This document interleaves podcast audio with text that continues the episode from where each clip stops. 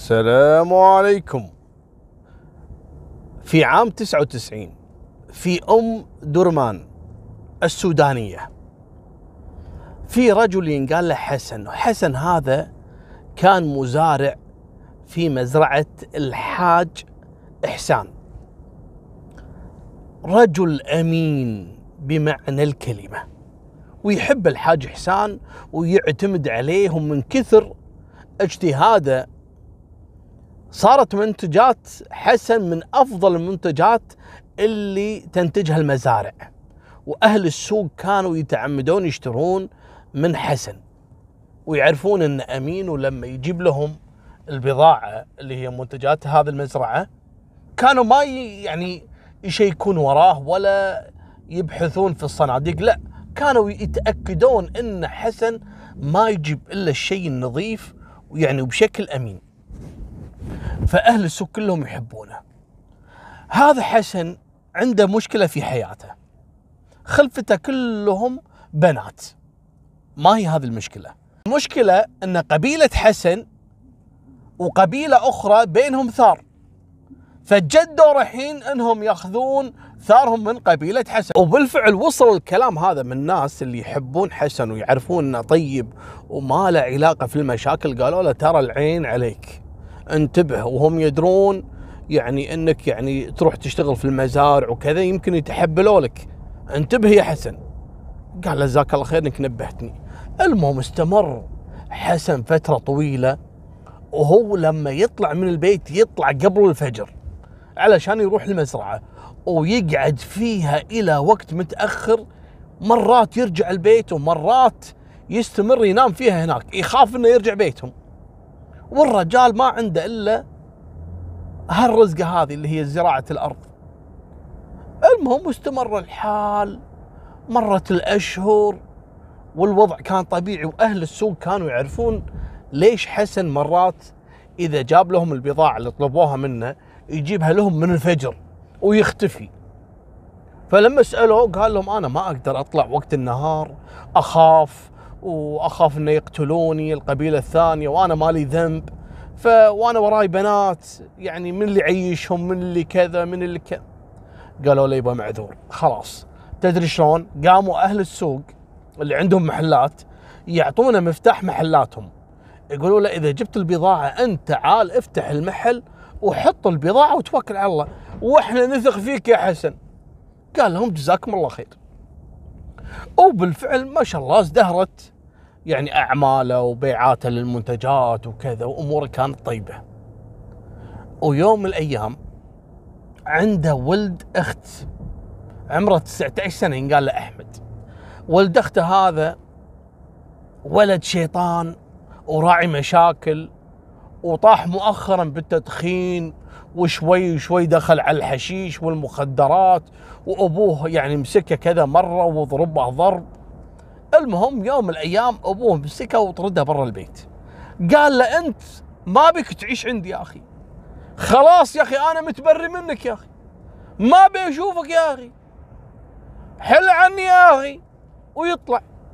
وين راح أحمد؟ ما عنده أحد. تذكر خاله.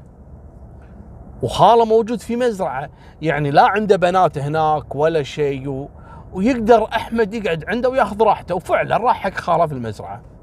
خالة يحب أحمد ويعتبره هو مثل ولده لأنه يعني أحمد ما رزق الله سبحانه بال بالأولاد. وأحمد هذا كأنه ولده. راح حق خالة وقال له يا خالي أبوي طردني ويقول لي أنا متبري منك وكذا. قال له ليش؟ قال صراحة يعني هو يعني طاح علي وأنا قاعد أتعاطى. فخاله قال له يا أحمد أنت ولد شباب وش حالاتك تو في كامل عافيتك. وأنت رايح لي تركض وراه المخدرات وتضيع فلوسك وتدمر نفسك وتدمر أهلك. المهم قاعد ينصحه وكذا. قال له شوف أنا بعتبرك مثل ولدي. بس توعدني إنك تترك المخدرات. وأنا بشغلك معاي. واللي أنت محتاجه أنا ما راح أبخل عليك. أنا ما عندي ولد أدلعه بصراحه وأهتم فيه. أنت ولدي. قال له أوعدك يا خالي إني أتحسن وإنك ترفع راسك وإنك. يعني تشرف فيني. قال له نتوكل على الله. وياخذ معاه أحمد للسوق. ويروح يشتري له من هالملابس وهالأغراض وكذا وهالفرش وقال له تعال نام عندي في المزرعة. وإذا بعدين أبوك يدور عليك راح أقول له خله عندي.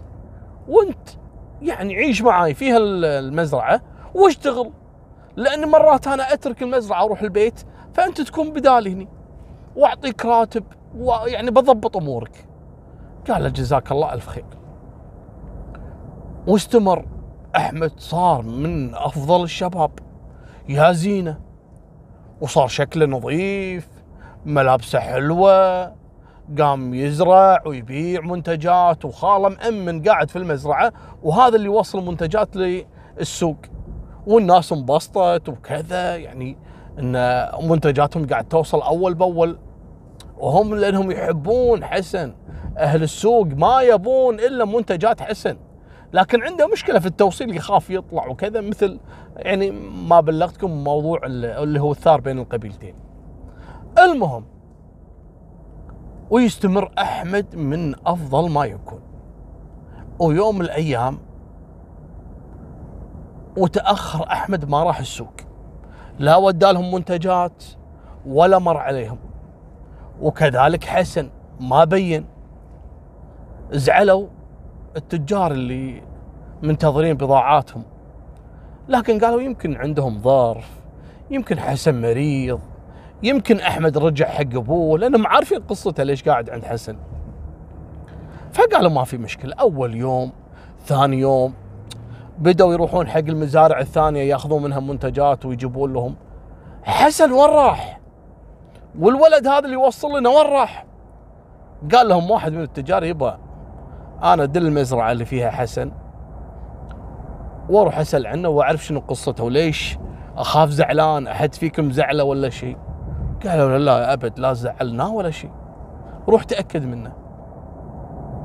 ويروح هالتاجر إلى المزرعة. بعد أربع خمسة أيام تأخر عنه حسن. وينادي يا حسن يا حسن. باب المزرعة مسكر السور. لكن في يعني مثل الفتح يمدون يدينهم ويفتحون القفل من الداخل. يوم قعد ينادي حسن يا حسن يا أحمد يا حسن. ما في أحد. فتح الباب. ودخل يدور عليهم. يا حسن يا حسن. راح لهم إلى الغرفة. ولا الغرفة الباب مطرف. طبعا ضرب التاجر ضرب الباب كذا مرة ما حد فتح له. ولا شاف فيه استجابة قام وفتح الباب بنفسه. ويشوف المنظر اللي الله لا يوريك. عينك ما تشوف إلا الدم. بحر بحر دم. ولا هذه جثة حسن منتفخ ومتعفنة. الظاهر صار له يومين ثلاثة متوفي. ومنحور لدرجة أن رقبته شوي وتنقطع. وانصدم من الموقف. وطلع ركض بلغ رجال الأمن في الموضوع وحضروا وأدلة الجنائية ومن اللي قتل حسن قالوا التجار يبا في واحد ولد اخته هذا دائما يكون معاه. لكن من اختفى حسن؟ اختفى ولد اخته معاه أحمد. ويطيرون رجال الأمن إلى بيت أخت حسن. السلام عليكم. وعليكم السلام. وين ولدك أحمد؟ قالت أحمد موجود يعني عند خالة في المزرعة الفلانية. قالوا إحنا تونا جاي من المزرعة. ولدك وين؟ قالت ليش؟ عسى ما شر. بس ترى ولدي يعني قاعد عند خالة. قالوا لا يبا. خالة مقتول وأحمد مفقود. إحنا نبي أحمد. انجنت الأخت. شو تقولون؟ لا يكون ولدي بعد مقتول ولا حد خاطفه. قالوا والله ما ندري إحنا نبي نعرف أحمد وين راح وأحمد يمكن هو اللي راح يكشف لنا سر مقتل خالة حسن.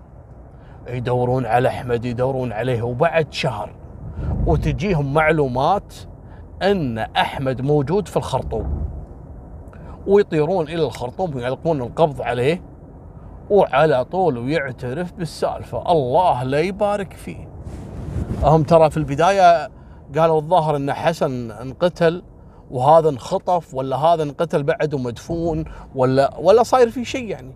لأنه مستحيل أحمد له علاقة بمقتل خالة حسن اللي يحبه ويموت فيه. وكانوا يشوفونه حتى أهل السوق لما يروح ويجي معاه ويعطيه راتب وشاري له ملابس وما أدري. مستحيل. المهم يوم ألقوا القبض على أحمد تعال يا أحمد. ليش قتلت خالك؟ المهم والله أنا آسف وأنا متندم. الله لا يوفقك ليش سويت؟ وش سوالك خالك عشان تقتله؟ قال لا بالعكس. خالي هذا كان يعطف علي أكثر من أبوي. وخالي هذا حبيب والناس كلها تحبه. فما بالكم فيني أنا يعني أنا أحب أكثر واحد. قال لا لا مبين مبين إنك تموت فيه صراحة. ليش قتلته؟ قال خالي خلاني أترك المخدرات. وبالعربي نظفني ولبسني ورزني وأعطاني فلوس وعملني مثل ولده. لكن أنا بديت أشتاق حق المخدرات. في يوم من الأيام وإحنا ننام في نفس الغرفة. خالي قال لي نبي نشتري بذور ونشتري بعض المستلزمات للزراعة. فقال لي أبيك تنزل السوق تشتري؟ قلت له حاضر. فقام وشال اللي هي السجادة وتحت السجادة كان حافر حفرة وحاط فيها صندوق من الحديد وفيه قفل. المفتاح خالي معلقة في حبل برقبته يطلع المفتاح وفتح صندوق ولا الصندوق مليان فلوس. وطلع مبلغ من المال قال لي روح السوق واشتري لنا المستلزمات للزراعة. وفعلا رحت واشتريت له. وأنا في الطريق قعدت أفكر شلون آخذ الفلوس هذه.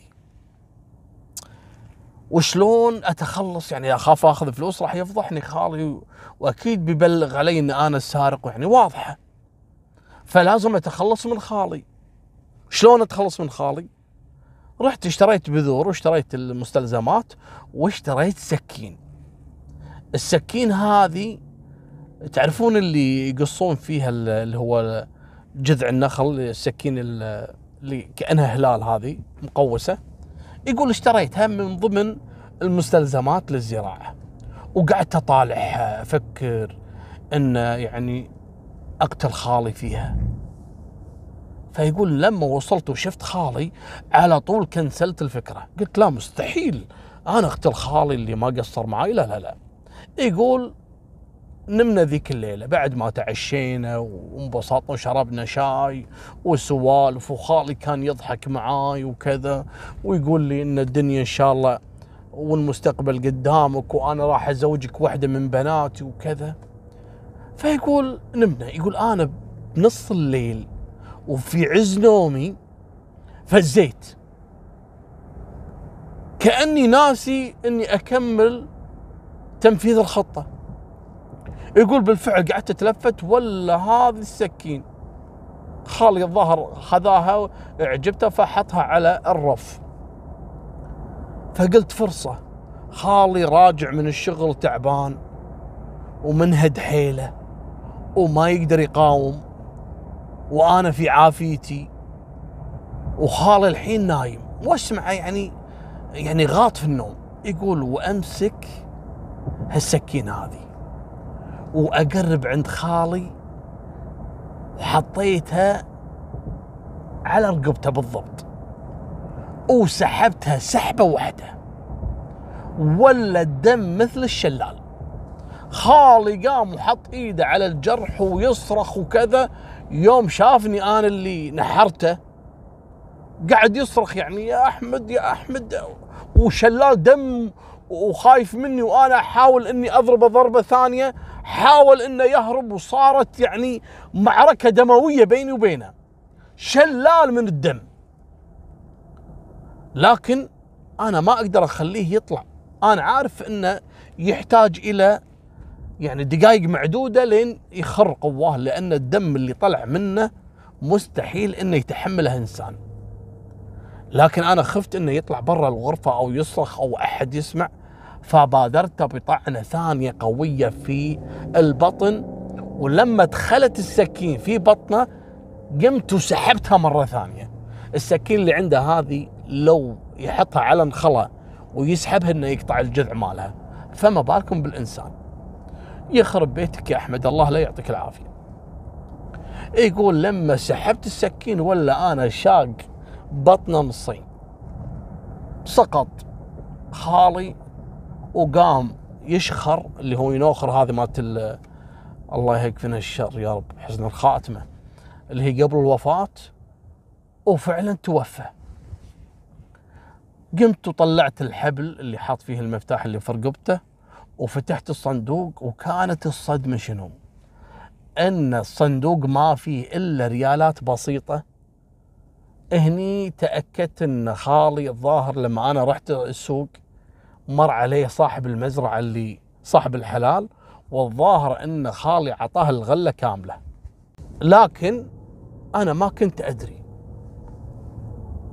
وما دام إني نفذت الجريمة لازم إني خلاص أهرب.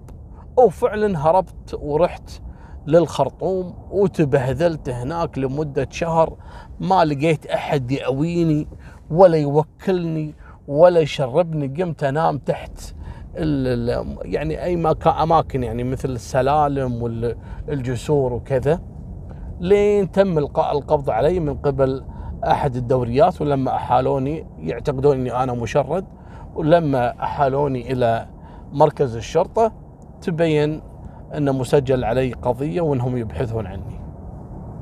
مالكم بالطويلة تم إحالته للمحاكمة وحكموا عليه في أول درجة بالإعدام لكن تم تخفيف الحكم إلى مؤبد بعد ما تنازلوا اللي هم أهل الدم اللي هم أهل الخال هذا نفسه لأن هذا كذلك ولد أختهم.